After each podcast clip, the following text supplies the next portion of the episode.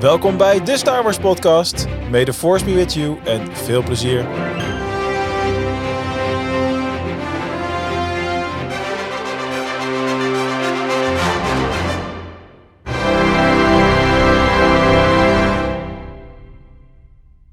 Hallo allemaal, het is weer tijd voor de Star Wars podcast. En vandaag hebben we eigenlijk best een klein groepje. Als ik zo om me heen kijk, zie ik uh, slechts twee andere lieden van ons uh, steeds uitdijende team. Uh, om diverse uiteenlopende redenen vandaag geen Quinten en geen Rob, maar wel natuurlijk Ramon. Goedenavond, jongen. Goedenavond, Mark Bas. Iedereen die luistert. Jij zegt gelijk in één adem Mark Bas, maar dat is humor, omdat ik letterlijk beneden in de woonkamer een basgitaarversterker heeft staan van het merk mm. Mark Bas. Lekker man. En natuurlijk welkom aan Bas Bas. Goedemorgen, middag, avond, nacht, bright suns en high moons allemaal. Ah, fijn, hij is weer terug. Daar worden we blij Zeker. van. Zeker. met een beetje geluk, over twee weken stap ik nu uit het vliegtuig ongeveer.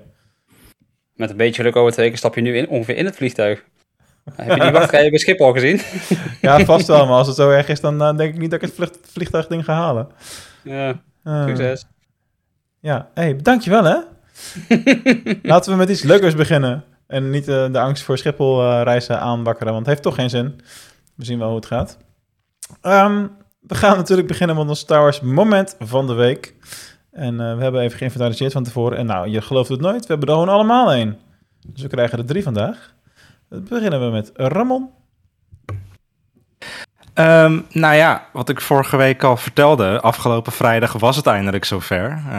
Um, de Star Wars Awakens uh, quiz, um, onze community quiz over van alles uh, over Star Wars. Volgens mij had je ook een klein stukje geprobeerd mee te luisteren, Mark. Ja, Alleen uh, ja, je had wel twee apparaten nodig om, uh, om mee te doen. Eentje om uh, de vragen op te volgen en eentje op de antwoorden in te sturen. En nee, dat was heel leuk en de reacties waren ook heel leuk. Dus ik ben heel blij dat, dat mensen dat konden waarderen. En ik hoop dat we dat over een paar maanden nog een keer kunnen doen. Dat, dat is wel de bedoeling. Ja, nee, heel duidelijk. Uh, volgens mij zag het er hartstikke tof uit. En uh, ik moest inderdaad afhaken omdat ik simpelweg ergens op een onderwegpunt was en alleen één telefoon had. En dus absoluut geen optie om een tweede scherm aan te zetten. was gewoon, nee. was gewoon geen optie. Dus, uh, en voor de, voor de mensen die denken, waar gaat het over? Nou, dat komt omdat die quiz hadden jullie gemaakt in het prachtige programma Kahoot. En dat betekent ja. dus dat je op je tv, laptop, scherm, whatever, kijk je dan naar de quizvraag of uh, een, een, foto of je hoort een fragment via die route. En je telefoon Precies. is als het ware een soort van de knop met de knoppen. De afstandsbedieningsknop, net zoals in zo'n spelshow in een studio. En dan is het uh, druk op een van de vier kleurtjes en dan uh, is dat je antwoord. Ja. Prima systematiek. Ik heb hem in het onderwijs ook veel gebruikt. Daar heb jij ja, ongetwijfeld ook, ook vandaan. Ik ook. Zeker. Herkenbaar allemaal, ja. En uh, ja, de winnaar die heeft ook nog iets speciaals gekregen, toch? De winnaar van die ja, quiz. dat is een verhaal apart. Uiteindelijk won Magiel. Team Magiel, moet ik zeggen. Magiel met zijn zoontjes. Dus uh, Magiel was natuurlijk vorige week ook te gast in de podcast. En uh, hij krijgt uh, de shirtjes toegestuurd waarop staat Star Wars Awakens, ehm, Community Summer 2022. Ja, um, die heeft Kim ontworpen. Nogmaals, dankjewel Kim. En um, we hebben de titel gegeven aan het zoontje van Magiel, Gijs. Maar ook aan Dirk, omdat ja, die was eigenlijk dan de eerste van de community, even buiten de redactie om, die het hoogst is geëindigd. Dus vandaar. Hartstikke leuk. Helemaal goed. Ja. Volgende moment is voor Bas.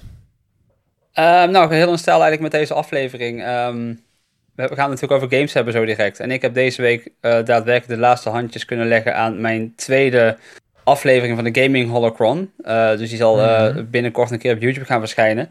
Um, ik heb echt maanden aan gewerkt aan deze aflevering. Waar de vorige iets van 16, 17 minuten duurde, duurde, de, duurde deze gewoon bijna een uur. Wow. Um, dus uh, ik behandel bijna 70 games in deze aflevering. Um, daar zit heel veel research in. Daar zit heel veel schrijfwerk in. Script schrijven, opnemen, monteren.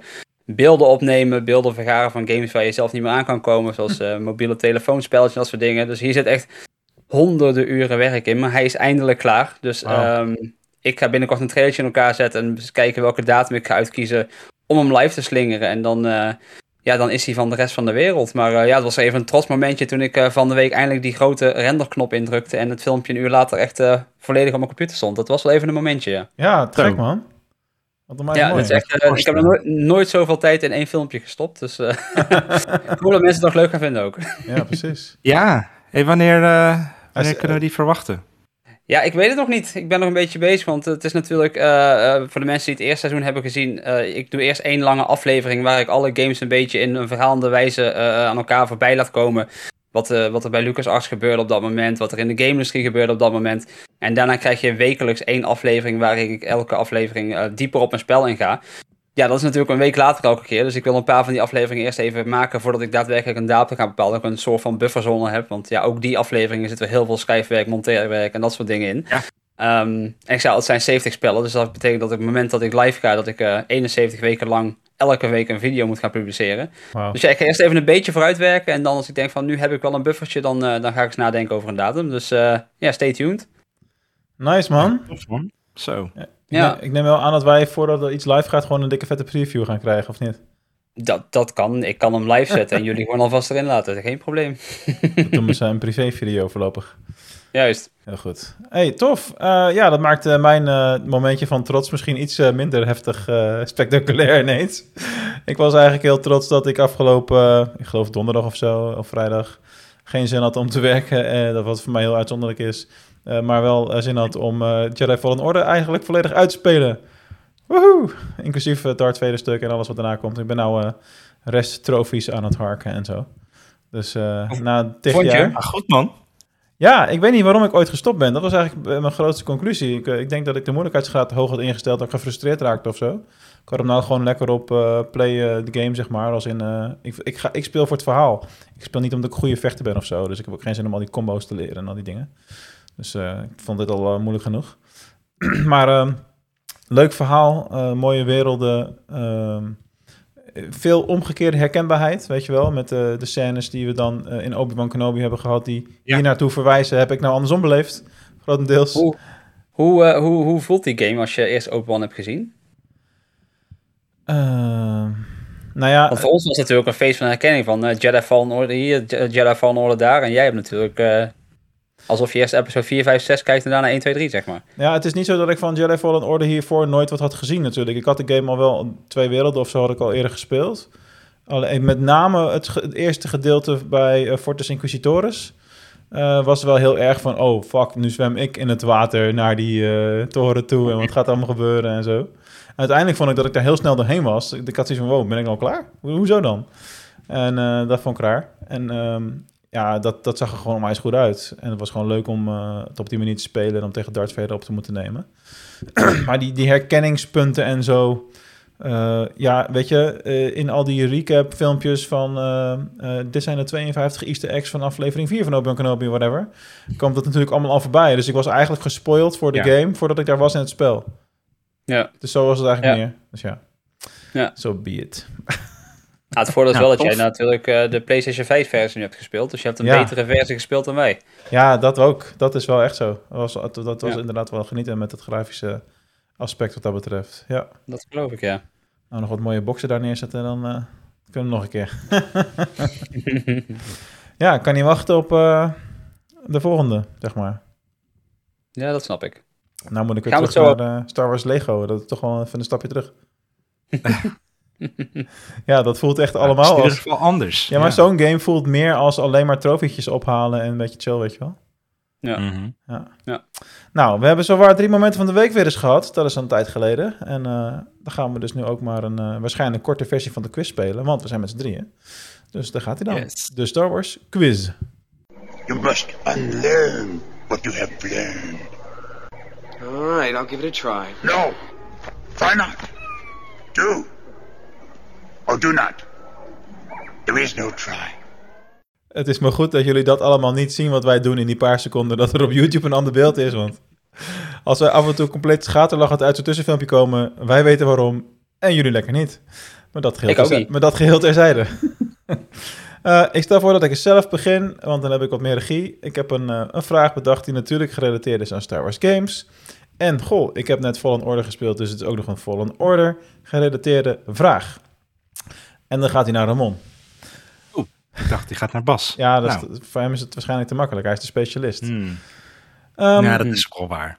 In de game Jedi Fallen Order verzamel je continu van alles en nog wat. Lightsaber onderdelen, ehm, skins voor BD-1. En de vraag is, hoeveel skins zijn er in de game voor BD-1? Jezus. Nee. Eh, BD-1 skins. Best een hoop. Ja, ik, eh, ik- Mijn gevoel zegt iets van 24. Ik weet niet waarom, maar ik blijf daar gewoon bij. 24. interessant. Bas, wil jij nog een gokje wagen? 23. Nou, wat een goede strategie was. Dat is ongelooflijk. Daarmee heb je het ook daadwerkelijk gewonnen. Nou, in jullie hoofd was het spel in elk geval nog groter dan dat het al was. Want het Hmm. waren er 15, inclusief de standaard skin waarmee die begint. Dus je kon er uiteindelijk 14 Ah, daadwerkelijk verzamelen. leuk. Dan mag Ramon de volgende Nice. vraag gaan stellen. Aan Bas in dit geval. Ja, nou, dat vind ik wel een leuke. Eh Bas, jij bent natuurlijk van de Star Wars games met name, of überhaupt games. Ehm, en ik heb even uitgezocht hoeveel games er zijn verschenen voor mobiele apparaten. En dan heb ik het niet over Game Boys of ehm, de Switch of zo. Maar echt eh, Android, iOS of de voorgangers daarvan op eh, oudere mobiele telefoons. Hoeveel games zijn er volgens jou verschenen op telefoons? Ehm, dat zijn er best wel wat, want ik weet dat THQ heeft toen eh, met onder de vlag THQ Wireless heel veel Star Wars games in één keer gepusht.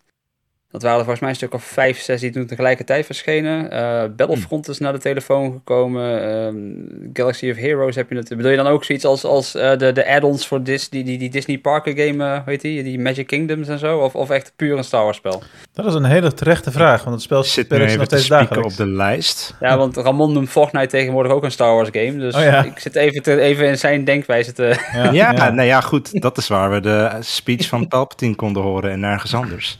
Ja. Ehm, die titels die je net noemde, die zie ik er niet tussen staan. Dus ik denk dat het vooral de hoofdgames zijn. Nou, dan eh, zet ik hem op een titeltje of. eh, ja. 13, 14? Nee, iets meer. 17. Oké. Dan zeg ik 18. Maar ik denk dat het er meer zijn. Ja, in mijn Eh, gevoel en zegt ik, veel meer. Ik, ik moet maar gelijk geven, want het zijn er in totaal 30. Zo. Zo. En de lijst, eh, die zal ik jullie besparen. Maar als Bas dat interessant vindt, kan ik die zo even naar hem sturen. Dat, eh, waarschijnlijk wat, heb ik eh, een lijst, want ik heb een lijst met alle games die ook op mijn telefoon staan. Maar dat is zo, dat is zo. ik heb er net Nou, een documentaire over gemaakt. Noem eens wat games waar we absoluut niet aan zouden denken.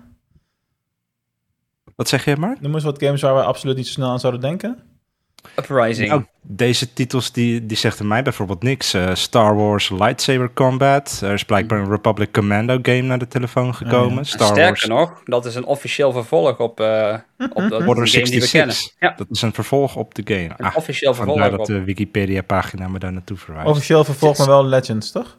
Hij zit eh, wel in mijn documentaire binnenkort, mocht je de beelden bij willen Oh. zien. Dat was zo'n spel waarbij het heel moeilijk was om aan beelden te komen, maar het is me gelukt. ben heel benieuwd. Die zijn nergens meer in app stores te krijgen dan, neem ik aan. Nee. Nee. Nee. Nee, dat is toch voor het Android en iOS tijdperk zelfs. Voor Ja, de Windows Phone zelfs. Wat hadden we Ja, toen de ook alweer? HTC's en de Nokia'tjes en zo eh, hadden die allemaal. Oh jee. Ja, Heel lang geleden. ja. Long En dan, dan mag ik nu een eh, vraag stellen. Ja. Ja. Ehm, in 1982 is LucasArts opgericht eh, door George Lucas zelf. eh, om zich te richten natuurlijk op eh, de games van zijn licenties. Wanneer is LucasArts eigenlijk, of wanneer is hun eerste eigen Star Wars game uitgekomen? Je hoeft niet te zeggen welke game het is. Dat wordt misschien wel heel eh, specifiek. Maar Ja. Eh, ik wil zeggen 88 Jedi Starfighter. Ramon, heb jij een idee? Nee, maar ik ga voor eerder. 87. Het was 1993. Damn. Dat pas de Oh. eerste eh, Star Wars game van LucasArts uitkwam. En dat was X-Wing. Oh, bijna. Oké. Ik heb het doosje, ik had wel het doosje van zo'n ding voor mijn neus in mijn hoofd, zeg maar. Ja. Maar ik weet dat ik het gespeeld heb. Ja, voorheen waren het allemaal eigenlijk eh, gelicenseerde Star Wars games. eh, en X-Wing was de eerste die LucasArts helemaal 100% zelf in huis heeft gemaakt. Van tevoren waren ze vooral bezig met games zoals Maniac Mansion, eh, Monkey Island en eh, Indiana Ja. Jones en dat soort eh, titels. Was dat al op CD-ROM? Dit was een CD-ROM game. Dit is zelfs een hele grote hit geworden op CD-ROM. En was zelfs eh, Ja. de best verkopende CD-ROM eh, voor een hele tijd. Ja, Ja. mooi, mooi, mooi. Ja. Goeie oude tijd. Wat voor dikke jij, dat is lang geleden. Hm. Nou, daar was de quiz dan alweer. Daar gaan we vlot doorheen vandaag, logischerwijs. Eh, dat betekent dat we nu eh, een best wel aardig lijstje aan eh, nieuws te verwerken hebben. Dus laten we gaan beginnen aan dat Star Wars nieuws. Good news for you, my lord. Yes, Anakin, come closer. I have good news. That's good news. Alright, eh, laten we beginnen met eentje waar we het ook wel eventjes over kunnen hebben waarschijnlijk. Namelijk eh, dat van seizoen 2 van Endor nu al bekend is hoe de afleveringen indeling eh, gaat, eh, gaat zijn. Namelijk elke drie afleveringen zal één kalenderjaar grofweg eh, ja, omvatten.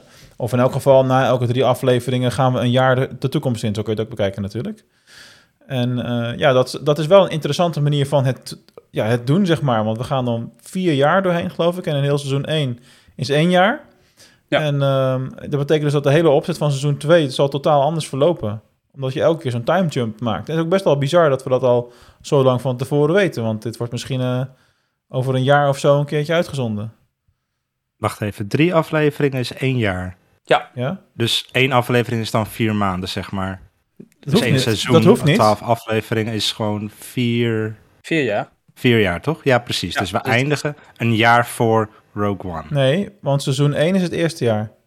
Ja, seizoen 1 is een jaar en seizoen 2 beslaat vier jaar. Dus samen is de serie vijf jaar. En eindigt waar Rogue One begint. Nou snap ik het niet. Je hoort het niet, dames en heren, Eerste maar Ramon seizoen zit het even te verwerken. Het eerste seizoen is qua tijdspannen in de Star Wars wereld één jaar. Ja, En dan seizoen 2 is drie afleveringen elke keer een jaar. En die heeft dus 12 afleveringen. Nou, oh, dat vier. vanaf seizoen 2 pas? Ja. Oké. Ja, Dus samen zal de serie vijf jaar beslaan. Oké. Oh nee, het gaat over seizoen 2. Nee, dan, eh, dan volg ik het nu. Ja, sorry, dan begreep ik je verkeerd. Ik denk dat dit voor, voor de meeste kijkers een gevalletje dikke boeien gaat worden. Ehm, ja, want ik bedoel, hoe, hoe moet je nou elke duidelijk maken, van, we zijn weer een jaar verder. Dat, dat, ja, ik denk dat dit heel slim is gedaan, omdat je zo makkelijk een beetje de opbouw van de Rebellion kunt laten zien. En dat niet de Rebellion gebouwd wordt in drie dagen, zeg maar. ja. Ehm, maar ik denk, dat, ik denk dat het meer een, een verhaal technische keuze is geweest dan, dan iets anders. Dat het gewoon meer van, als we op één dag blijven of één week, dan is er te veel te vertellen in één week en is het niet realistisch. Dus laat het over vier jaar uitsmeren. Eh, tenminste, dat klinkt mij logisch in de oren. Ja, ja, eens. Ik vraag me, ik denk wel dat eh, drie afleveringen dan kan best zijn dat het in één van die blokken in een week plaatsvindt en in een andere blok in een maand of zo. En dat je daarna een time Ja. jump maakt. Ik denk niet dat het per se zo is dat elke aflevering dan in vier maanden zit of zo. Dat lijkt me verhaal Ja. technisch gezien helemaal niet praktisch. Nee, nee, dat maken wij er nu natuurlijk van. Maar het, het is natuurlijk ook gewoon niet realistisch om te denken dat, dat zo'n Cassian Endor gewoon non-stop actie beleeft. Nee. non-stop achtervolging, explosie, dit en dat. Die heeft natuurlijk ook zo'n off-time. Dus ja, vandaar dat er gewoon wat tijd tussen zit waarschijnlijk. Behalve in het eerste jaar, dan is het gewoon de hele aan. Ja, dan is het gewoon een aflevering een maand dus. Ja, vrij letterlijk wel, ja. Ja. Oké, dus nou, we wachten het geduldig af. Eerst maar eens aan seizoen 1 beginnen eind augustus. Dus dat staat al lekker eh, voor de deur. Ja. Dan door naar The Mandalorian seizoen 3. Die is begonnen met het filmen van pick-ups. Dus dingen waarvan ze achteraf dachten... hé, hey, daar moeten we toch nog wat aan doen.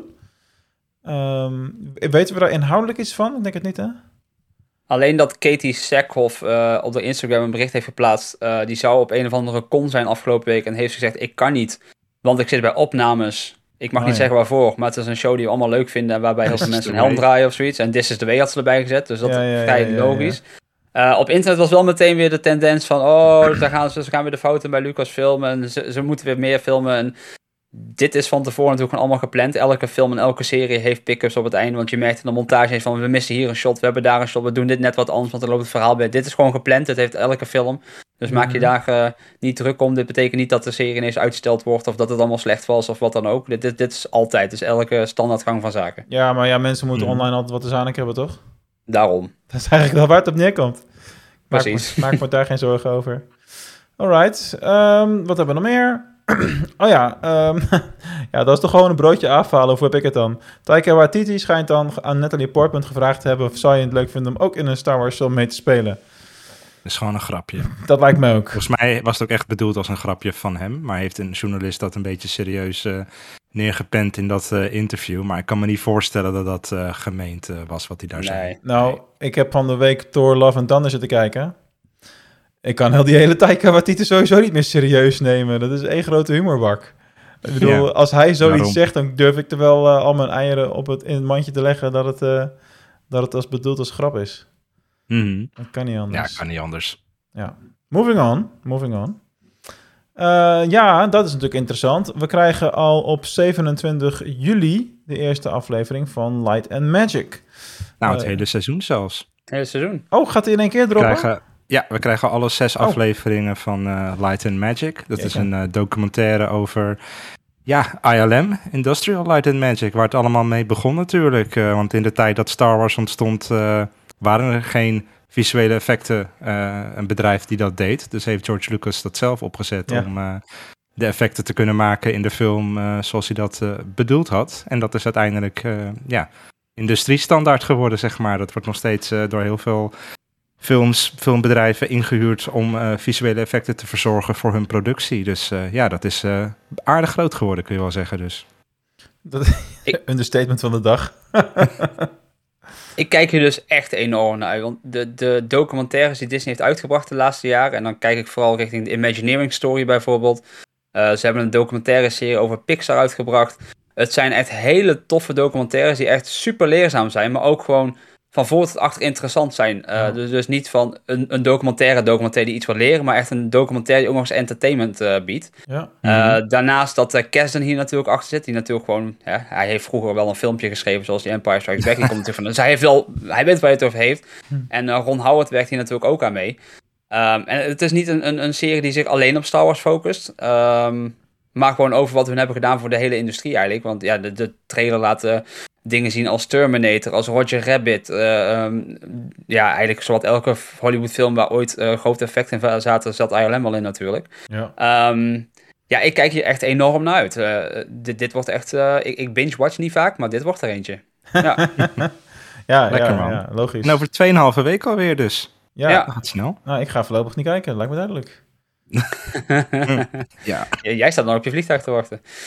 ja, drie dagen, drie, da drie dagen op rij al dan, ja. ja, precies. Ja, we zullen zien. Oké, ehm, Hebben jullie de trailer trouwens goed bekeken? nou, ik heb hem bekeken, maar ik weet niet waar je op bedoelt, dus ik ga nee zeggen. Vonden jullie ook niet dat George Lucas er super goed uitzag? Ja, dat Gewoon zijn als in, die man is echt gewoon heel zijn, zijn opgalblaaskeel kwijt of zo. Gewoon, hij ziet er ineens heel gezond uit of zo. Ik, weet niet, hij zag er voor, voor George Lucas doen Is heel, hij, heel goed is hij hiervoor geïnterviewd als in recent? Als in hoe, die, de- hoe oud hij nu is? Eh, hij, ik, ik weet niet. eh, volgens mij zijn alle interviews voor deze serie. eh, kijk, er zitten natuurlijk beelden in van, van toen A Nieuw Hoop gemaakt werd. Ja. Maar de, de beelden die echt voor deze serie zijn opgenomen, zullen allemaal in de laatste twee jaar opgenomen zijn, denk ik. Ja, ja. Ja, hij zag er echt goed uit. Nou, dat is ook logisch toch? Met zijn zakgeld eh, en je niet meer druk hoeft te maken over de Star Wars fans. ja.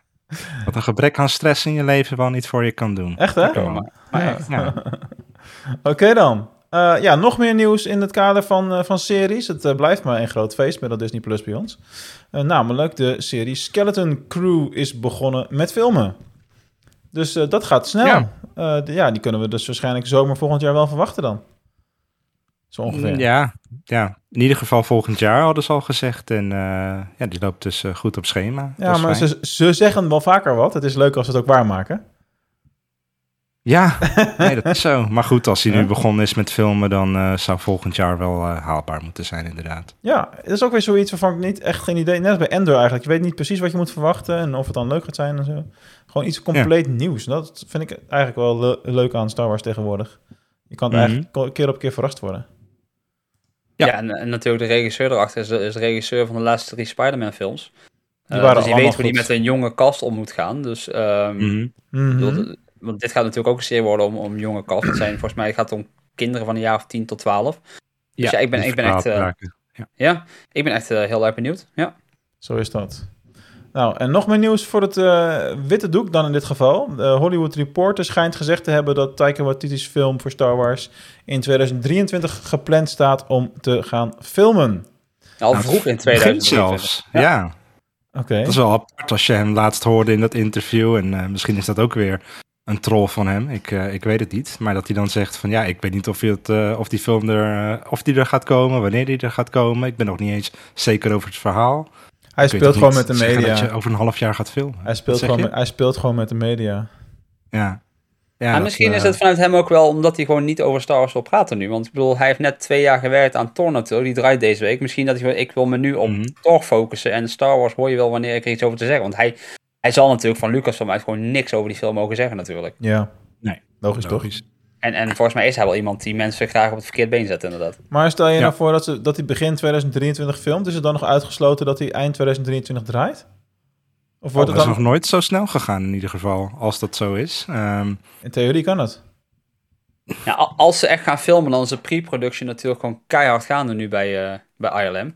Dus dan, dan zal de casting binnenkort ook moeten beginnen. En Mhm. eh, dan zullen de, de, ja, de, de digitale effecten al, al eh, flink eh, in aanbouw zijn. Ehm, ja, wie weet. Ja, maar ze kunnen natuurlijk best wel veel dingen steeds sneller renderen. Hè? Je had het er laatst ook over, dat die eh VDS Castle bijvoorbeeld... Ja, ik heb het nu weer nog een keer gekeken, maar jullie zeiden... het ziet er misschien een beetje nep uit, maar dat het gewoon de, de gaming engine van Unreal is. Ik bedoel, op een gegeven moment kunnen ze natuurlijk in die Star Wars wereld... ook gewoon op een paar knopjes drukken. En dan heb je weer een wereld voor je neus, zeg maar. Ja, ze hoeven natuurlijk niet elke keer het wiel opnieuw uit te vinden. Want Nee. eh, denk aan ehm, gewoon space. Dat gaan ze echt niet elke keer opnieuw vormgeven. Daar zal vast wel nee. een, een programma voor geschreven zijn bij ILM. Die eh, eh, druk op enter om een nieuwe soort space. eh, en, en die planeten, de, de ecosystemen en zo. Dat wordt allemaal ook gewoon tegenwoordig gewoon automatisch ingevuld op programma's. Ja. Dat deed ik eh 15 jaar geleden op school al met een programmaatje. Dat, Op mijn eigen computertje. Dus dan zal ILM het ook wel kunnen. random Doe mij een. Ja. ijsplaneet met stromend water. Punt. Tjoef, Ja, precies.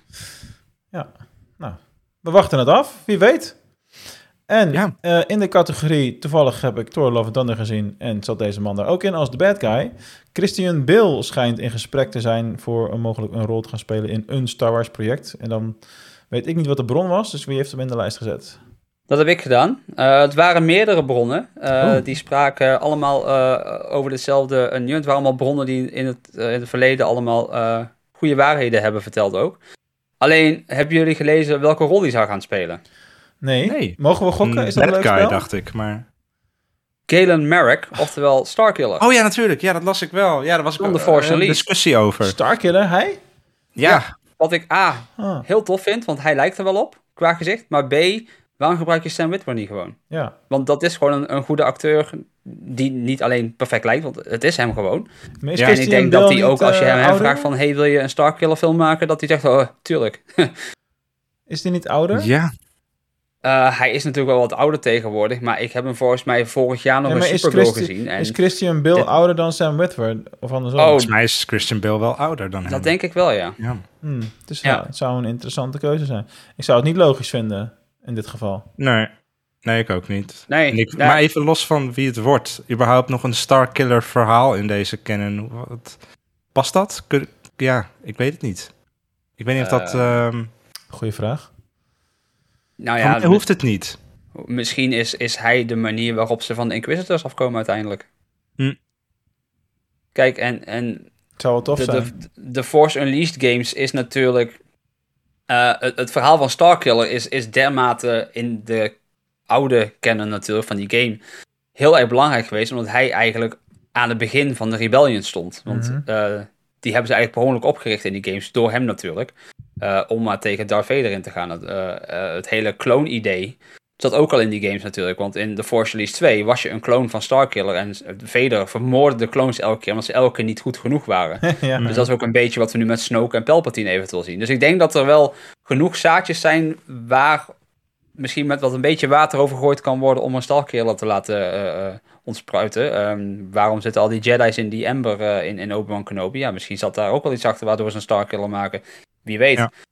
En, en Starkiller is natuurlijk ook gewoon tijdens de, de, de Jedi Purge gevonden door Vader. En dacht, hé, hey, die is te krachtig. Ik maak jou niet af. Ik, eh, ik, ik ga jou trainen in het geheim om eh, de Emperor af te zetten. Ja, eh de Sith wil altijd eh, de, de, de hoogste in de orde afzetten. Dus eh, ik denk dat met een beetje creativiteit dat eh Starkiller best zou kunnen passen. Ik denk alleen dat het heel moeilijk wordt om in alle bekende canon al te laten rondlopen. Maar ja, ik, ik, ik heb er wel vertrouwen in. Ik, eh, Ik weet niet waarom dat moeilijk beetje- zou, eh, zou zijn. Want wat, wij, wat, wat, wat in Star Wars heel veel gebeurt, is dat die werelden worden kleiner gemaakt. Zeg maar. Dus het voelt alsof het een hele kleine wereld is. Maar als je erover na gaat denken, zijn het miljarden systemen of zo. Of miljoenen systemen, weet ik veel. Het zijn gigantisch veel planeten. Dus je kunt in feite duizend miljoen kanten op. En, Nou, het eh, ding is meer, eh, toen de Force Unleashed natuurlijk uitkwam, de Inquisitors bestonden nog niet. En waarom zou Vader een Inquisitor ergens op afsturen als hij letterlijk iemand heeft als Starkiller? Dat is het eigenlijk meer. Hoe weet je dat de Inquisitors toen nog niet bestonden? Misschien waren ze gewoon niet in beeld in dat verhaal. Kan toch zijn dat Vader meerdere projecten runt? Ik ben ook op meerdere plaatsen Zou- aanwezig. Zou kunnen, ja, wie weet. Wie weet. Er is altijd wel een manier te vinden, maar ja, ik, ik, vind, ik vind het tof. Ik, eh, ik sta er wel open voor. eh, maar dan wil ik wel minimaal dat hij echt zo unleashed is met de Force als in de games. Nou, dat zou wel heftig Ja. zijn, want dan zou die sterker zijn dan Vader met zijn schip naar beneden trekken en zo. Ja, nou, bring it on. Ik wil hem wel tegen een Rancor zien vechten. Dat wel. Dat vond ik Ja. vet. Ja. ja. Ja. Oh, wat hebben we nog veel om naar uit te kijken. En om, om over te hopen. Enzovoorts. Ja, Goed, dat was het nieuws weer voor deze week. Het is eh, tijd om eh, door te gaan naar eh, de grote Bas Show. Zou ik willen zeggen. Hoe dat zo? Nou ja, we gaan het over Lucasfilms Games hebben. En eh, ik geloof dat jij er wel enigszins een specialist in bent. Ik heb wel wat affiniteit mee, ja. Of had je nog een Eh, nieuwtje wat ik nou mis? Ik heb nog een nieuwtje inderdaad, ja. Hij pakt de hint niet op, dames en heren. Wat moet ik ermee? error, error. Ehm, afgelopen week is voor het eerst eigenlijk eh, de Galactic Star Cruiser geëvacueerd. oh, Ehm, er is nooit bekendgemaakt waarom, eh, maar eh, de lichten gingen aan en iedereen moest naar buiten. oh. En iedereen heeft een half uur lang eh, buiten gestaan.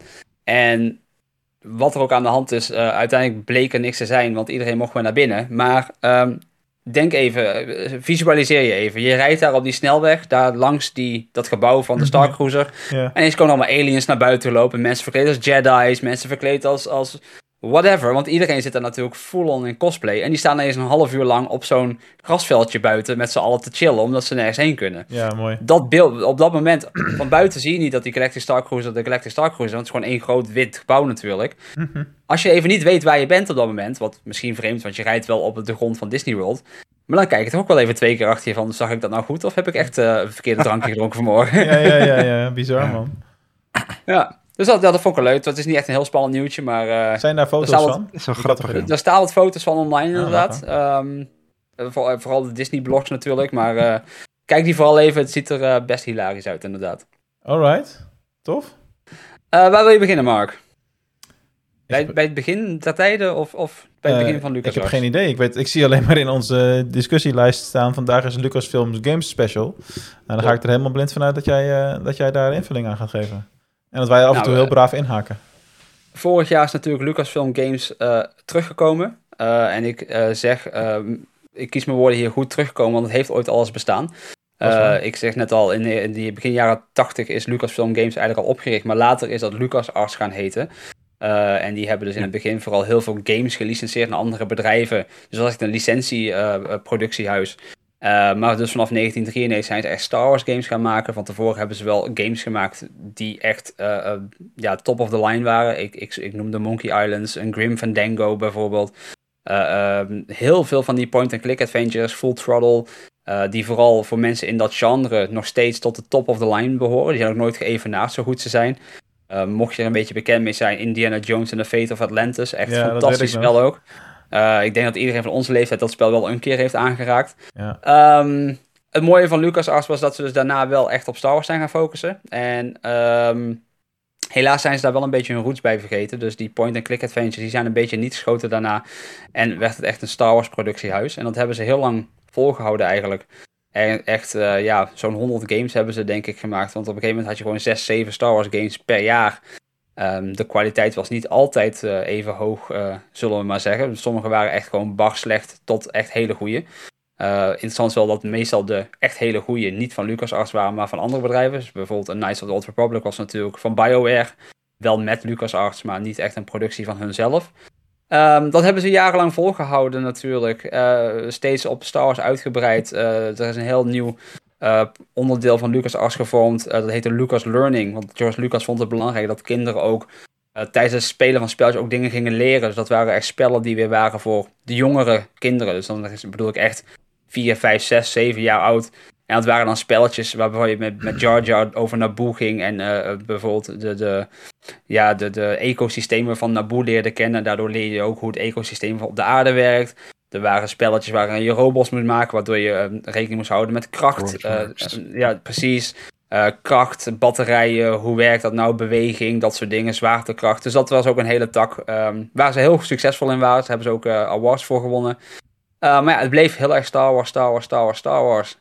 En dat ging heel goed tot eigenlijk het toppunt kwam met Star Wars 1313. Dat was echt een Star Wars game waar iedereen naar uitkeek. En de eerste beelden zagen er fantastisch uit. Die werd ook gemaakt met ILM. En dat kon je ook wel zien aan de beelden, want iedereen dacht dit is een next-gen game. Maar dat was het niet. Het draaide gewoon op de huidige systemen. Nou, en echt nu nog, als je de trailer ziet, dat ziet er gewoon ongekend goed uit. Ja. En die game is helaas nooit uitgekomen. Want op dat moment uh, kwam Disney natuurlijk met een hele grote, dikke zak met geld. Waardoor mm. ze heel uh, Lucas Arts, Lucasfilm, ILM, Skywalker Sound en alles over hebben gekocht. En toen heeft Disney besloten dat Lucas Arts geen productiehuis meer zou zijn maar weer een, een licentiepartner uh, zou worden. Omdat ze wilden dat andere bedrijven Star Wars games gingen maken. Omdat het A, veiliger was voor Disney. Uh, omdat mensen met de kennis daadwerkelijk uh, de games gingen maken. Maar er zat weinig financieel risico aan. Want als de game flopte, verloor Disney er minder geld aan dan wanneer je natuurlijk de hele game zelf financiert. Um, en daarbij kwam dus ook het nieuws dat LucasArts toen gesloten werd. En dat was echt een als je mij vraagt, een zwarte pagina in de game-industrie. Want ja, ze zijn van heel ver gekomen. Het is echt ze hebben behoorlijk wat flops gemaakt, maar ook echt briljante games hebben ze gecreëerd. Uh, en, en die dag, ik, ik weet dat ik dat nieuws kreeg van uh, Lucas Arts stopte mee. En ik kon het mhm. gewoon niet geloven dat Disney zo dom was om dat te doen. Ja. Maar als we even kijken wat er uit is gekomen natuurlijk. We hebben daarna eerst uh, de EA-deal gehad. Waardoor Electronic Arts tien jaar lang Star Wars games mocht maken. Die deal loopt volgend jaar af. Dus dat is ook de reden dat we nu eigenlijk alleen maar games van EA hebben gehad op de grote platformen. Dan denk ik dus aan Battlefront 1, Battlefront 2, Jedi Fallen Order, Squadrons. En een uh, uitbreiding van de Sims die helemaal in Galaxy's Edge afspeelde natuurlijk. Uh, er zijn wel andere studios ook dat mobiele games hebben gemaakt. Um, maar die, die tellen niet mee in, de, in het grote plaatje. Maar we zien dus vanaf volgend jaar dat ze echt weer losgaan. Want vorig jaar is dus aangekondigd dat uh, Lucasfilm Games terugkwam. Mm -hmm. En dat hebben ze heel goed gedaan. als je kijkt wat Lucasfilm Games doet, het is nog steeds geen ontwikkelstudio. Dat, daar doen ze gewoon niet meer aan. Maar ze zoeken wel echt de beste mensen in de game-industrie op om hun games te maken. En uh, waar voorheen het idee was van, wij hebben een idee, jij maakt de game. Is het nu, jij hebt dus een, game, of een idee voor een goede Star Wars game, pitch hem aan ons. En we gaan kijken of we iets voor je kunnen betekenen. Mhm. Waardoor je dus heel veel creatieve mensen samen uh, laat werken aan, aan ja, uh, de, de, toekomst van Star Wars games. En daar gaan we denk ik vanaf volgend jaar een beetje de, de vruchten van plukken op Star Wars gebied. Uh, de eerste titels die onder Lucasfilm Games vallen, dat is wel met terugwerkende kracht, is dat Battlefront 2, Jedi Fallen Order en Squadrons.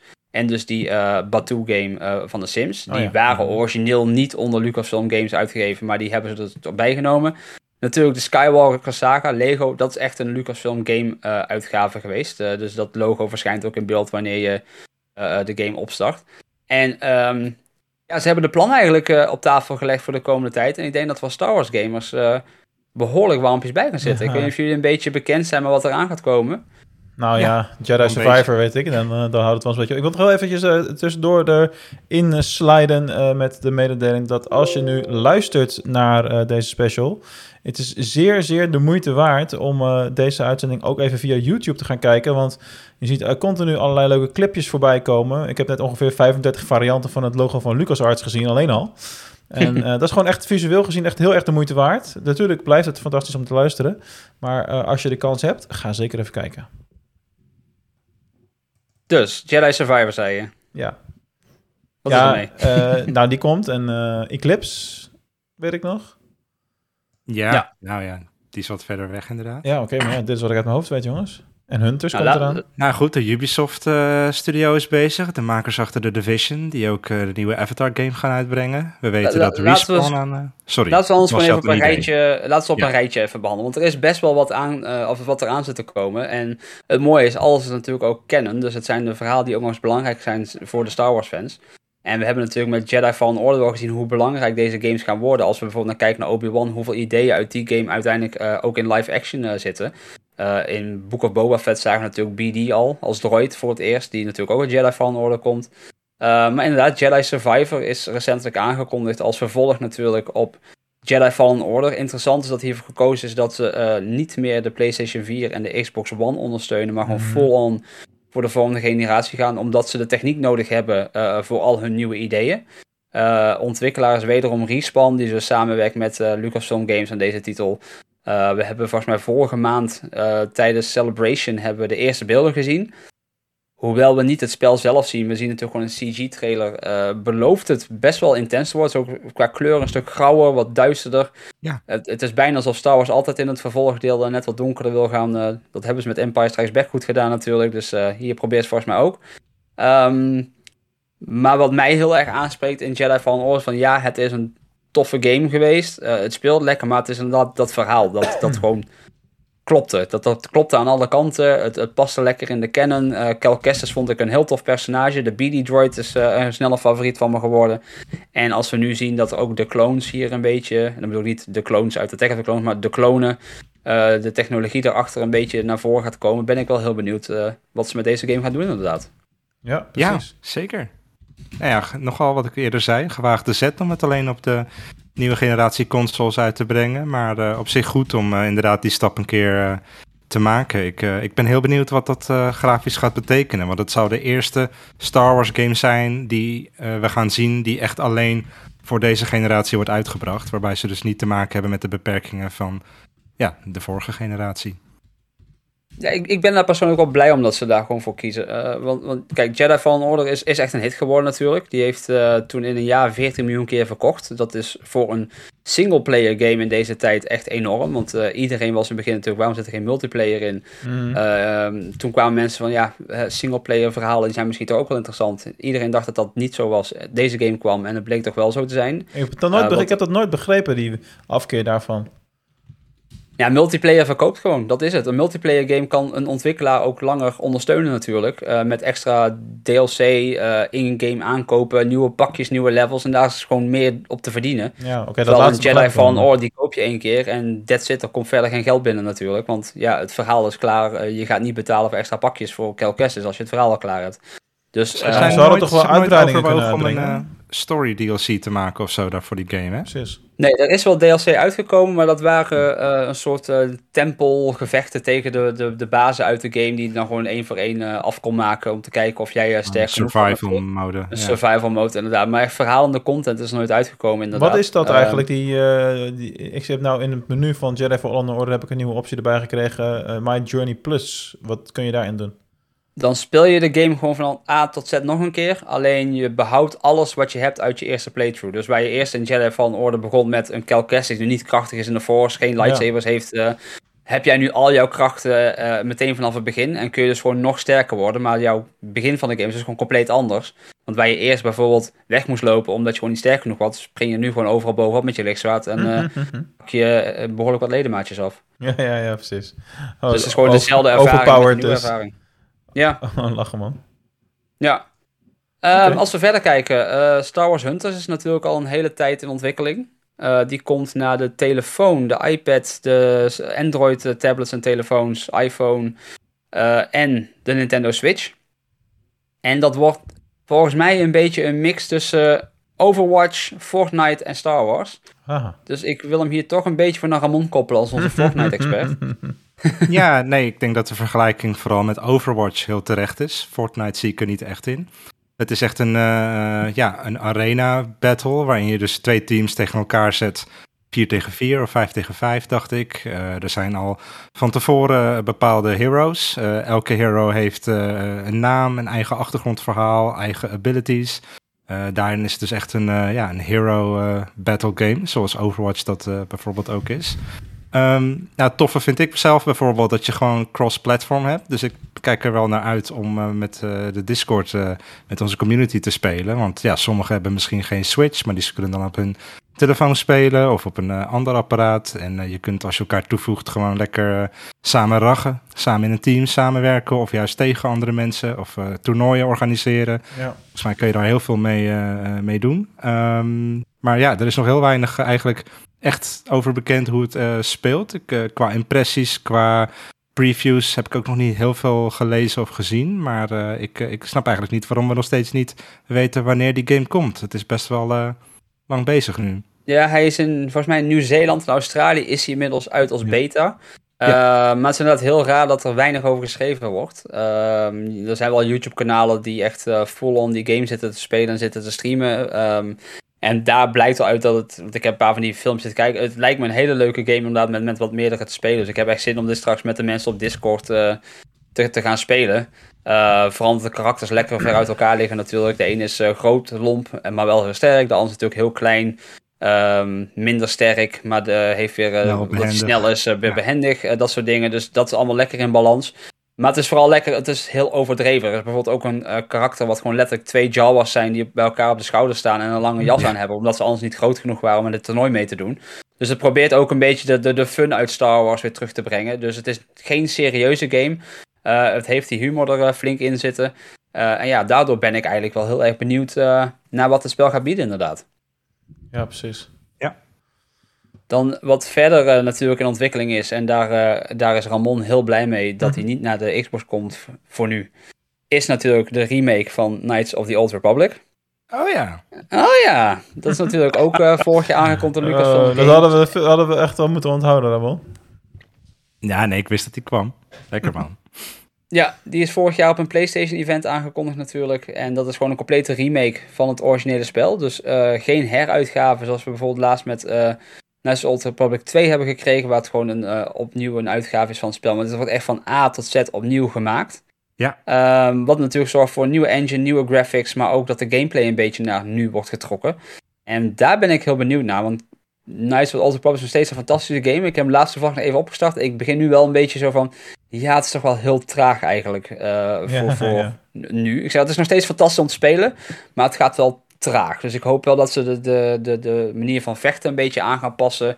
Uh, en niet alleen voor, om het nu te maken, maar ook misschien om een nieuwe generatie spelers aan te trekken die niet meer echt zo gewend zijn aan dat omste beurt een move maken, uh, zoals het natuurlijk tien jaar geleden redelijk standaard was in dit soort games. Ja, ja. maar dat was ook in uh, MMORPG-games natuurlijk standaard. In, in, Star Wars Galaxies was het niet anders. En nee, om, het even, ja, om het even bij Star Wars te houden, maar World of Warcraft volgens mij ook. Ook zo uh, druk op een knop en dan gaat hij aanvallen enzovoort. Star Wars The Old Republic, om het maar bij Star Wars te houden. Ja, precies. Ja, precies ja maar hier staat de, de, actie natuurlijk echt op pauze op het moment dat jij je keuzes maakt om uh, door te vechten. Natuurlijk was het in Nice op dat, dat het een beetje doorbewoog, maar niet, uh, niet helemaal stil stond. Maar ik, dat is iets wat je eigenlijk tegenwoordig vooral nog in de Japanse RPG's ziet, zoals de Final Fantasies. En zelfs daar zijn ze vanaf aan het wijken inmiddels. Oh ja. Mm -hmm. um, dus ik ben echt heel benieuwd of ze dat aan gaan pakken. Um, of dat ze een, manier verzinnen waarop je zelf kan bepalen van wil je echt in, in ja. time vechten, dat je zelf alle Jedi Fallen Order kunt vechten. Ja. Of dat je inderdaad die oude manier... Uh... Maar ja, ja en ik weet niet of het echt oud, oud is. Tenminste, ja, inmiddels zijn de Dragon Age games ook weer wat ouder. Maar dat real-time turn-based wat je noemt, dat, dat, ja, dat is eigenlijk best wel een ja, eigen keuze, weet je wel. Want als je hem gewoon ja. niet pauzeert, dan speelt hij gewoon, ja, misschien niet helemaal als Fallen Order. Je hebt nog steeds abilities achter knopjes en die druk je in en dan activeer je een ability, dat wel. Maar um, je kunt er dan zelf voor kiezen om de game op pauze te zetten. En je zegt van nou, uh, die character die, zet, die positioneert zich even iets meer naar achteren. Dan doet hij die aanval daarna. Jij gaat een beetje naar links. Jij probeert te flanken. Dus op die manier kan je er wel een tactische game van maken. En uh, ja, ik hoop zelf dat ze gewoon die keuze gaan geven voor liefhebbers van de oude games. Maar ook de mensen die inderdaad meer de actiegames, uh, actiegeoriënteerde games gewend zijn om ja, wat meer real-time à la Jedi Fallen Order combat te spelen. Dat, dat hoop ik wel. Ja. ja. Lijkt mij sowieso lekker te spelen ook. Sorry, wat zei je? Lijkt mij ook gewoon lekker te spelen, joh. Ja. Ja, ik ben echt heel benieuwd. Ik bedoel, omdat het een remake is, kunnen ze natuurlijk alle kanten op gaan. Um, en ik ben gewoon bijna jaloers op mensen die deze game voor het eerst gaan spelen. En die plot twist mm -hmm. die ze nog niet kennen, nu voor het eerst gaan meemaken. Ja, maar jij denkt dat dat verhaal intact blijft? Ja. Uh, misschien dat er hier en daar wat dingen aangepast worden. Ja. Um, het zou me niks verbazen als sommige plotpunten misschien wat anders zijn. Kijk, de grote mm -hmm. Plotpunt waar deze game onbekend staat, daar gaan ze niet aan zitten. Want ik denk dat als ze die eruit zouden halen of zouden veranderen, dat er echt uh, een, een, een, een jihad gepleegd gaat worden op uh, de ontwikkelaar natuurlijk. Want Waarom, dit is wel ja. een beetje waar deze game uh, bekend om staat. Ja. Um, maar het zou me niks verbazen als sommige dingen net wat een beetje bijschaven, zodat het misschien in de canon van nu gaat passen. Ja, dat laatste. Nou, dat wou ik net zeggen inderdaad. Want dat vind ik, daar ben ik toch wel heel uh, benieuwd naar. Want al die games die nu uit gaan komen, die zouden in principe ook onder die uh, nieuwe canon moeten vallen. En ja, als we dan zo'n KOTOR gaan krijgen die binnen de canon past, dat maakt dus ook de weg vrij om meer verwijzingen daarnaar te krijgen in bijvoorbeeld series, films, uh, misschien andere media, andere games. Dus ja, dat vind ik wel heel, heel vet. Nou, twee weken geleden of drie weken geleden kwam nu- nieuws natuurlijk naar buiten. Nadat eh, een, een Revan en een Malak bijvoorbeeld in de Acolyte misschien eh, naar voren zouden komen. Die die serie natuurlijk in de High Republic afspeelt. Maar ja, als ze daar genoemd gaan worden of daar een invloed hebben, dan, dan lijkt het me haast logisch als we iets uit de Knights of the Ja. Old Republic kennen maken. En laat Ja. die nou twee, alle twee simultaan in ontwikkeling zijn. Dus Ja, ja, Ja. zeker. Toeval bestaat niet, mannen. nee, wat wel bestaat, Nou komt het. is, is natuurlijk Lego Star Wars The Skywalker Saga. Ja. Uh, Die is natuurlijk recentelijk uitgekomen. Uh, heeft mij de laatste dagen heel veel hoofdpijn bezorgd. Want Oh, ik ja? uh, ben op een uh, probleem gestopt. ja. Ja, ik ben echt boos op dit spel. Oh jee. Uh, ja, ja, ja. Ik heb uh, zo'n beetje alles gedaan. Of ik, ik heb letterlijk in de Galaxy alles gedaan. Dus elke planeet heb ik af. Elke capital ship heb ik af. Nou, dat heeft echt, ik denk ongeveer 40 uur van mijn leven gekost. ja. En letterlijk de laatste missie heeft hij niet geteld. Uh, waardoor die wel als voltooid staat, maar ik heb het Kyberkristalletje niet gekregen, waardoor ik mijn spel niet meer uit kan spelen. Dus uh, je kunt 1200 van die Kyberbricks halen en ik zal niet hoger kunnen komen dan 1199. En dat betekent dat ik mijn game niet op 100% kan gaan zetten.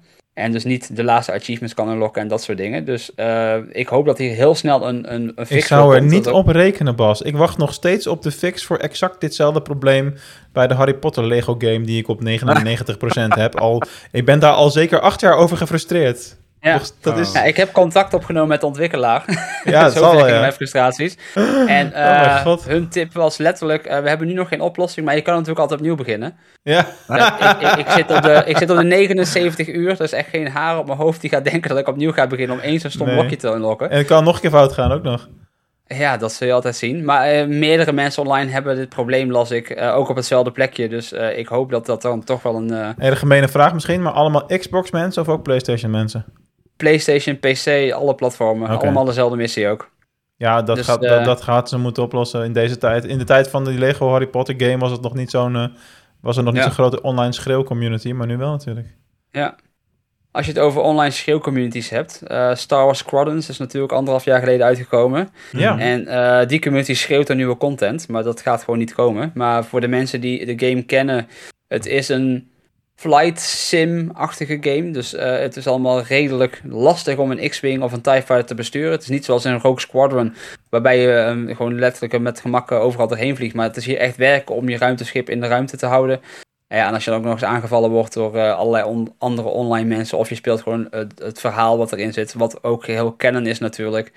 Um, ja, dan, dan, uh, dat zorgt wel voor wat uh, zweetmomenten op de, op de bank. Ik weet nog, wij, wij hebben hem best veel samen gespeeld, Ramon, samen met Rob ook online, ja. dat we finaal afgeslacht zijn elke keer, want volgens mij hebben we geen potje gewonnen online, maar we hadden wel lol, dus dat is het belangrijkste. Ja. ja. Um, maar interessant is dat het verhaal, uh, uh, ja, het is na Return of the Jedi. Uh, Hera uit Rebels heeft een grote rol in deze game ook. Um, en ja, het, het, het, het, is een toffe game. Het was een game die eigenlijk voor een niche-markt in is gezet door Lucasfilm Games. Maar de, de mensen die spelen, die hebben echt met heel veel plezier gespeeld. En, en hij wordt nog steeds heel veel gespeeld. Um, hij is van EA ook geweest, maar ja, het, het, het, ik, ik, ik, raad iedereen aan die Game Pass heeft bijvoorbeeld op Xbox, daar zit hij in.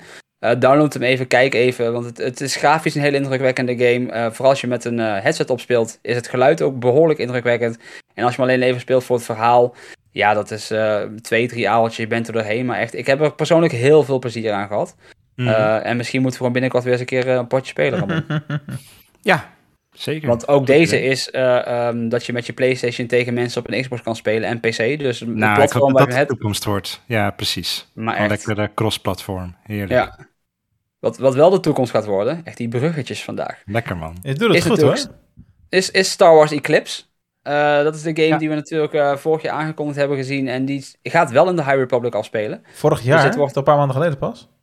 Nee, die is al uh, even geleden aangekondigd volgens mij. Voelt niet Ik zo lang. weet aan. even- Ja, je zal wel gelijk Vorig jaar in december volgens mij. Ja. Jeetje. Het Ja. gaat Tijd toch snel. Ja, dat, eh, dat gaat snel. Maar het, de High Republic, we weten eigenlijk helemaal compleet niks van deze game. Behalve Mhm. de trailer. En eh, er was natuurlijk heel veel rondom de ontwikkelaar te doen. Eh, dit is van de ontwikkelaar die natuurlijk in het verleden dingen als eh, Heavy Rain en dat soort games heeft gemaakt.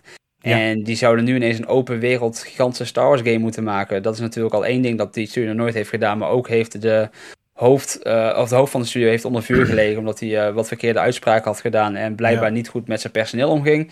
daar zijn rechtszaken van geweest, dat is allemaal opgelost. En dus was, waarom gaat Lucasfilm met zo'n partij in zee?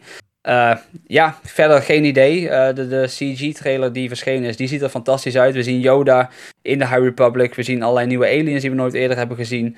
Ehm, deze studio staat bekend om hun verhalen. Dus uh, dit is echt studio die die verhaal op één heeft staan. En uh, de game moet maar zorgen dat het verhaal goed overbrengt. Mhm. Dus daarom snap ik wel waarom ze met deze studio in, zee zijn gegaan. Um, want High Republic is natuurlijk een fantastisch uh, tijdperk. Wat nu eigenlijk alleen nog maar in boeken en comics naar voren komt. Maar ik denk als we het voor het eerst op deze manier gaan doen. Dat, dat heel veel mensen die de boeken niet lezen. toch zullen zien waarom die High Republic zo interessant is. Uh, ja, ik kijk hier persoonlijk heel erg naar uit. Wanneer die uit gaat komen, dat weet niemand. Er gingen toen geruchten van 2027 en 2028. Die zijn ontkracht dat het veel eerder zou zijn. Maar ik zelf gok op z'n vroegst eind 2024, 2025. Ik denk niet dat we hem voor die dag gaan zien, eigenlijk. Nee, denk ik ook niet. Denk het ook niet. Dus ja, dat is eigenlijk een beetje waarvan we weten wat nu in ontwikkeling is. Waarvan we ook uh, al daadwerkelijk wat dingen hebben gezien. Eh, er is verder nog best een hoop in ontwikkeling ook, want uh, Lucasfilm Games zit niet stil. Zo heeft Respawn aangekondigd dat ze met BitReactor, dat is een nieuwe ontwikkelaar, die is specifiek opgericht voor deze game. En dat wordt een, een strategietitel in het Star Wars universum. Maar die ontwikkelaar is opgericht door mensen die aan de XCOM games hebben gewerkt. En volgens mij is Ramon een grote XCOM fan. Ja, zeker. Nee, ik, uh, ik vind het ook altijd. Uh, dat is ook sowieso een soort game wat heel erg goed bij Star Wars past. Omdat je. Ja, je leidt eigenlijk de, de, het verzet, de resistance. Uh, in de XCOM games wordt de aarde. is er een invasie door aliens. En je moet gaan kiezen. Hoe ga je je resources inzetten? Ga ik mijn eenheden naar, naar die plek sturen of naar die plek? Wat hè, weer consequenties heeft. Want als je dan naar de Verenigde Staten gaat, dat betekent dat Europa verder wordt uh, ingenomen door de aliens. Nou ja, als je dat idee in Star Wars gaat implementeren met meerdere planeten en echt hè, letterlijk de resistance tegen de nou, First Order of de Galactic Empire of wat je dan ook maar wil doen. Er zijn niet voor niks heel veel mods gemaakt van Star Wars voor de XCOM games, omdat er gewoon heel veel fans zijn van Star Wars die die games spelen. En ja, het, de gameplay past er gewoon perfect bij. Ik, uh, het, wil niet, uh, het is niet gezegd natuurlijk dat het zo'n soort game wordt. We weten alleen dat wat voormalige ontwikkelaars van XCOM aan die game gaan werken. Maar van mij mogen ze gewoon een Star Wars XCOM game maken. Want uh, ja, ik zou, het, uh, ik zou het heel tof vinden. Ja, en, heb je dan liever eigenlijk de Rebels tegen de Empire of, of meer in de, de sequel-trilogie? Uh, mm Nou, waar moeten we kiezen? Dat heeft Battlefront 2 wel laten zien. Geef ons gewoon lekker al die tijdperken. Dat, maar voor de eerste game, uh, ja, dan mogen ze van mij gewoon beginnen met de originele films. Dat uh, lijkt me ja. prima. Nou, verder is Respawn natuurlijk nog met een andere game bezig. We hadden het al over Jedi Survivor, maar bij hun is nog een ander team bezig met een shooter. Uh, dat wordt geen vervolg op Battlefront of zo. Uh, het wordt een compleet nieuw verhaal uh, wat los staat van Battlefront. En interessant, het wordt ook een single-player shooter weer.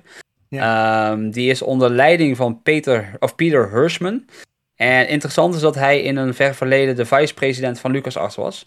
Ah. En hij heeft meegewerkt aan de eerste en de tweede Battlefront. Hij heeft meegewerkt aan de originele Lego Star Wars. Hij heeft meegewerkt aan The Force Unleashed. En aan Star Wars Little Alliance. Dus hij heeft zijn strepen qua Star Wars goed verdiend. Maar interessanter, hij heeft ook meegewerkt aan Medal of Honor Allied Assault en uh, Call of Duty Modern Warfare. Dus ook op het shootergebied uh, zit het bij deze man wel goed. Nou, Respawn is natuurlijk ook ontstaan uit het team wat uh, de, de Call of Duty Modern Warfare heeft gemaakt vroeger. daar zit een hele geschiedenis aan vast met rechtszaken en zo. En daardoor hebben ze besloten, weet je wat, we kappen ermee, we gaan iets voor onszelf beginnen. maar dat hun een shooter gaan doen, um, ja, met Star Wars, dat, dat klinkt als muziek in de oren. Want ja, ik zeg al, hun shooters, ik weet niet of je Titanfall 2 hebt gespeeld bijvoorbeeld. Um, ik heb nog nooit zoveel gegeven om een, om een robot als een Titanfall 2. Uh, eh, verhalend topspel, maar ook qua schietactie echt meer dan geweldig. En ze mhm. hebben natuurlijk ook, um, hoe heet die, uh, die online game van ze die nu uh, zo, Apex Legends. Apex Legends, ja. Dat is natuurlijk ook een game die behoorlijk hoog scoort overal en ook al flink lang de boventoon voert in het genre online. Dus, um, en, hoe doet hij het dan ten opzichte van een Fortnite? Want dat was toch ook de, dat was toch de game van de aanval op Fortnite, zeg maar?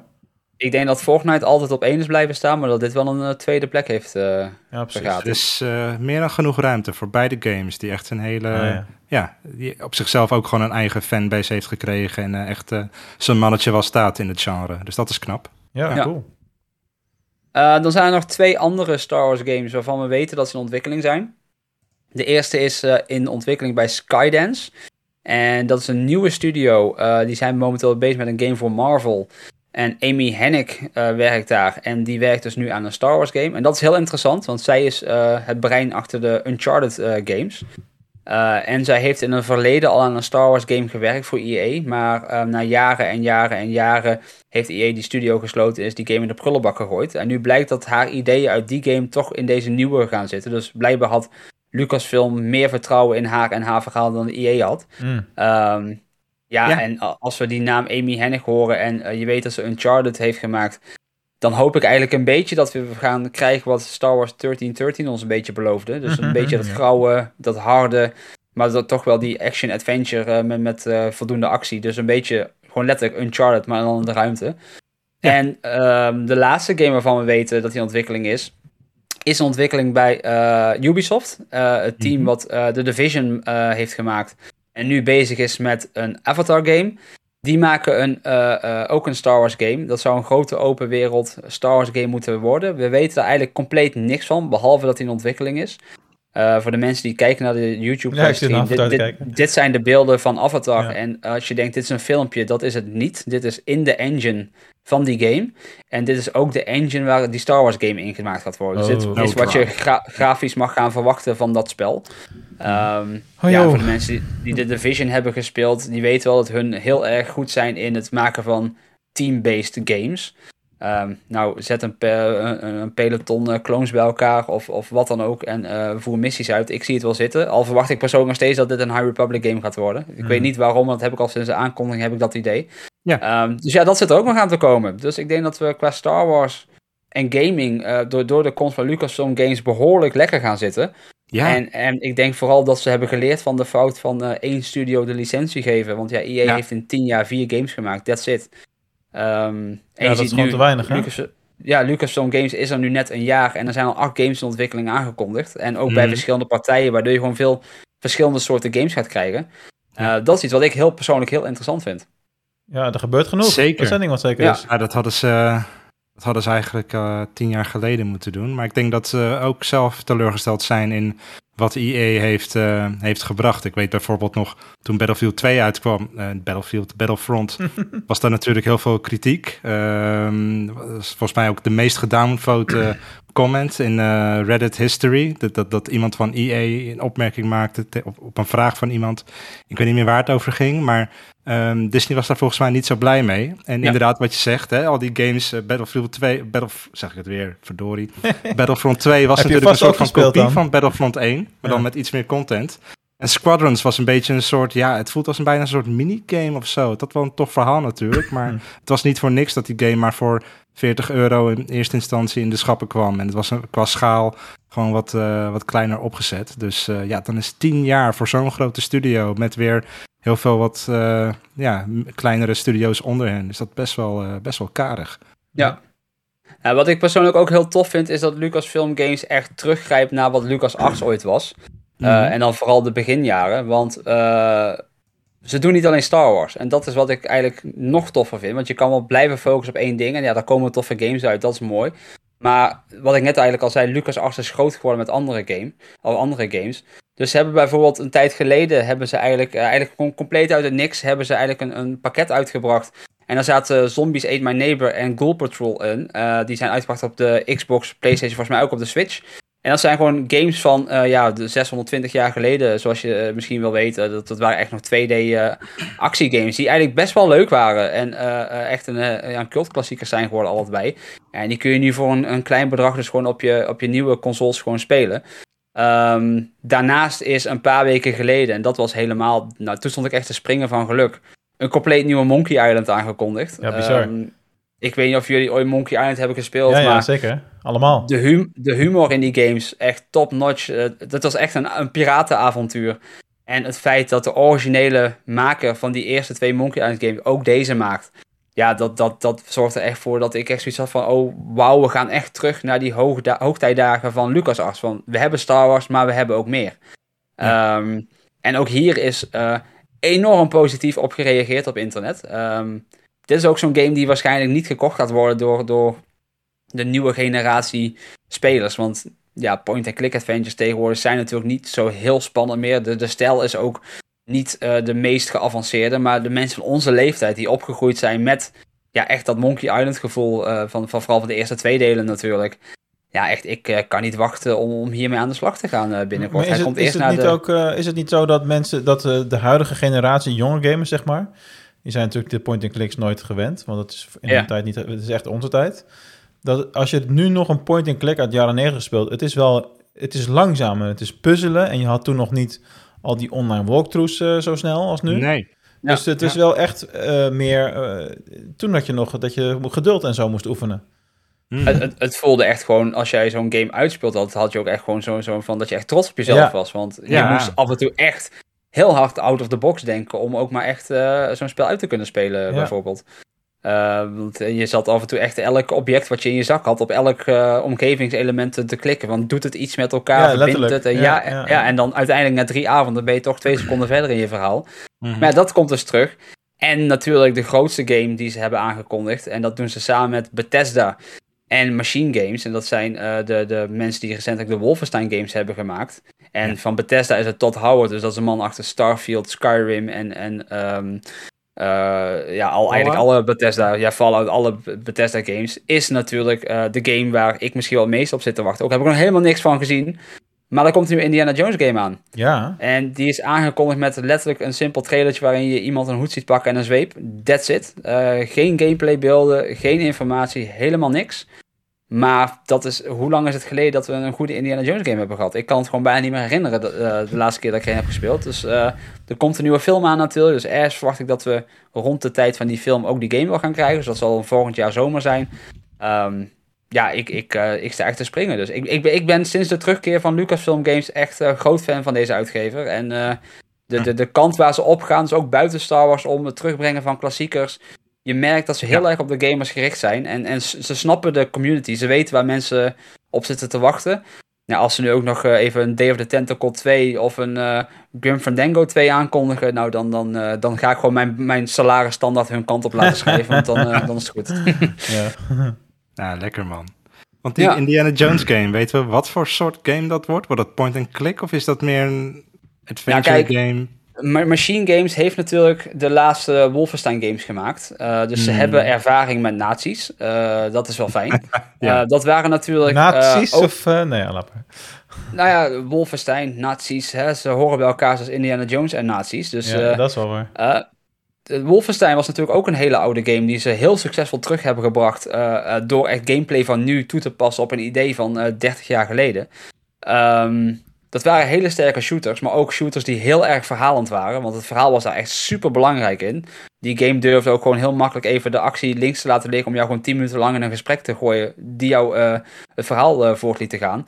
Um, ik verwacht een shooter, maar het liefst heb ik natuurlijk een game zoals een Uncharted of een Tomb Raider. Want dat past natuurlijk perfect bij bij, bij dit, dit, deze franchise. Bedoel, uh, ja. Tom Raider en Uncharted zijn geboren bij, bij Indiana Jones. Dat, dat, dat, dat is gewoon niet over te discussiëren. Dat is gewoon zo. Mm -hmm. uh, dus ik verwacht eigenlijk wel zo'n game eigenlijk. Nou, tof. En ja, Todd Howard weet wel hoe die games maakt natuurlijk. Hij weet ook hoe die heel lang aan het ontwikkelen moet zijn voor een game. Want uh, ja. hij brengt niet de meeste games uit. Maar ja, Machine Games heeft in een paar jaar een paar goede Wolfensteins uitgebracht. Dus ze weten hun partners heel goed te kiezen. Um, dus ja, zoals ik net al zei, dat Lucasfilm Games, dat is vorig jaar teruggekomen. Uh, volgens mij één dag nadat ik mijn YouTube-kanaal over Star Wars games lanceerde, besloten hun een nieuwe bedrijfstak te lanceren. Dat kwam echt perfect uit. En uh, ja, acht Star Wars games in ontwikkeling, terugkomst van oude franchises en een nieuwe Indiana Jones game in een jaar. Er zijn maar weinig uh, uitgevers die ze erna doen, zeg maar. Zeker. Nou, tof man. Kijk er naar uit. Waar kijk je nou het meest naar uit, de Bas, als gamer? Persoonlijk. Zo, dat is echt een hele goeie. Uh, Jedi Survivor, maar dat is eigenlijk gewoon meer omdat ik weet wat ja. ik ga krijgen. Mm -hmm. ik, ik, dat is de enige game waarvan ik weet, dit ga ja. ik krijgen. Um, Herkenbaar. Dat heb ik met KOTOR de remake. Dat, dat, is ook degene waar ik het meest naar uitkijk. Maar het is eigenlijk ja. precies hetzelfde als wat ik vroeger heb gespeeld. Alleen dan mooier, nieuwer. En, uh, ja. ja. Maar als ik een beetje uit de box ga denken, dan denk ik toch die shooter van Respawn. Want shooters zijn echt mm -hmm. mijn ding. Mm -hmm. um, en ik ben gewoon heel benieuwd hoe die Star Wars game van Ubisoft eruit gaat zien. Want die, die Avatar game ziet er zo bizar goed uit. En um, Disney heeft die Avatar game natuurlijk eh, bij hun geplant. Want Avatar is natuurlijk ook van Disney tegenwoordig.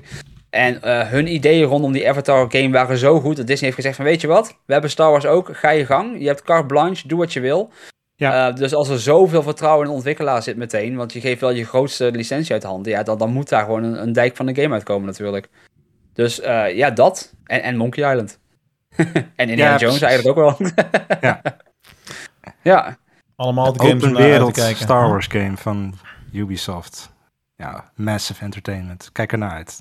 Ja, als ze dat nou online kunnen doen, dat je met z'n allen, dus geen MMO zoals die Old Republic is, maar gewoon met een groepje van vier of vijf, dat is natuurlijk een beetje zoals de Division.